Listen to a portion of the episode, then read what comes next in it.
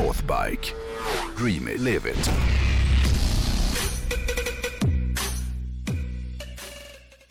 Jag är så jävla lycklig över att vi äntligen har, har fått en ordentlig vinter. Vi började i podden med att prata om det. Ja. Eh, Alla som hatar vintern tror jag ändå inser att liksom, ska man ändå ta sig igenom liksom, december till januari och februari, då är det ju fan, det är ändå härligare att göra det med snö utanför fönstret än Ja. att gå runt i något så här kolsvart, deppigt, regnigt dödsmörker. ju. Ja.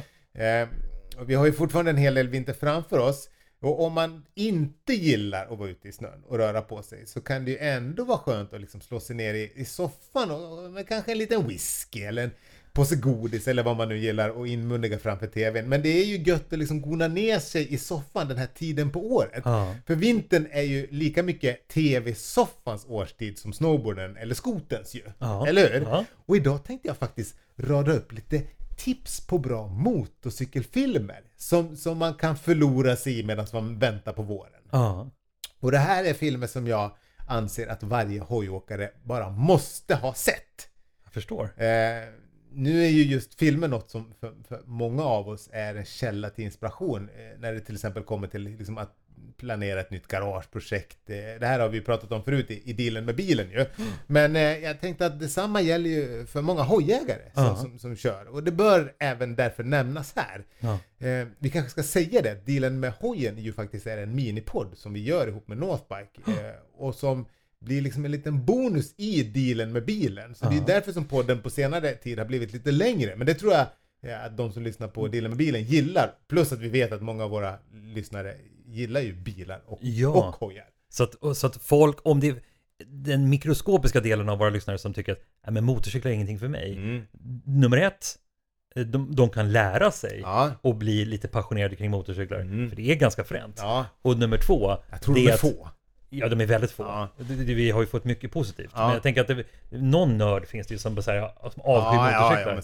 men men men eh, bottom line är att de får ju mer podd för... Pengarna, för inga pengar. För gratis. Ja. Ja, mer poddar gratis.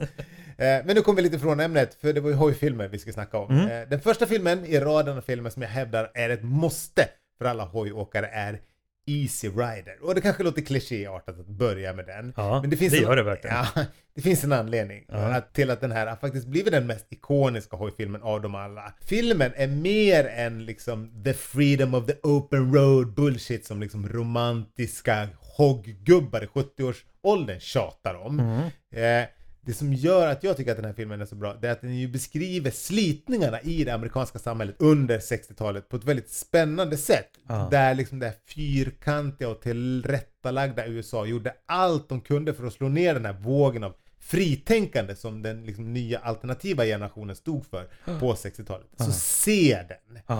Nästa film som man bara måste ha sett är ju The Motorcycle Diaries.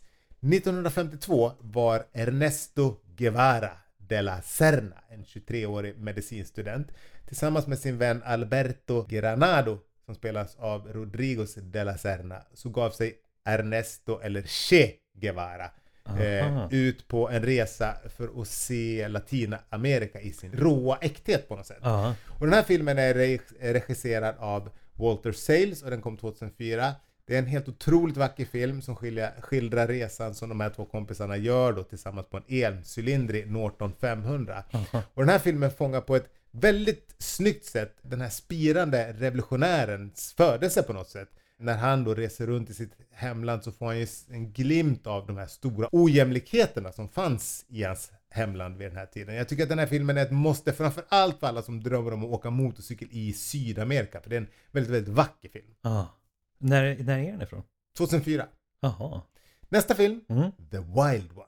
Mm. 1953, då var ju... Jag tror du skulle säga Wild Hogs. Ja, det där med äh, ja, John den. Travolta. Nej, den, bör- den, kan ni, den kan ni hoppa över.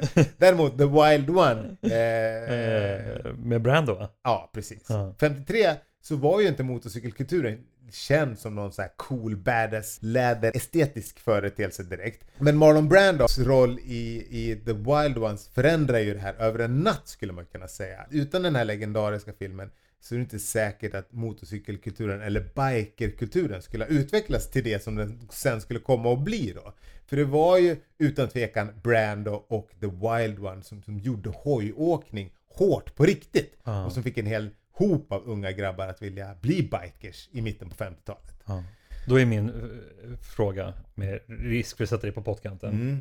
Har du sett The Wild Ones? Ja, för länge sedan. Ja. Det var länge sedan. Och även om jag inte hade sett den så är det ju en film som, som man bör ha sett. Ja. Så då, då hade väl jag fått lov att se den. Ja. Den måste vara med som tips i alla fall. Ja, bra. Eh, On Any Sunday däremot har jag sett. Det var ju en av de första motorcykeldokumentärerna som någonsin skapades. Den hade premiär 71 och var regisserad av Bruce Brown. Eh, och den, han fick en Oscar för bästa dokumentärfilm för just den här filmen. Och Mr Cool himself, eh, Steve McQueen, var ju med och hjälpte till att skapa den här filmen genom att privat bistå ekonomiskt för att Bruce Brown skulle göra den. Eh, bara en sån sak. Ja. Eh, Den bör ni se. Nästa film heter Why We Ride. Och man kanske skulle kunna säga att det här är en modernare version av On Any Sunday. Det är en dokumentärfilm gjord av Brian H. Carroll och den kom 2013. Och den försöker på ett, i mitt tycke, väldigt snyggt sätt fånga essensen av varför folk gillar motorcyklar. Den bör man se. Ah. Why We Ride heter den. Kul. Okej, jag inser att den här listan eh, kan bli hur lång som helst. Så, så från och med nu så tänker jag att jag bara nämner namnen på filmerna och en lite kort beskrivning. Så får ni själva ta reda på vad den handlar om. För i detalj, för annars kommer jag kunna sitta här och babbla hela dagen.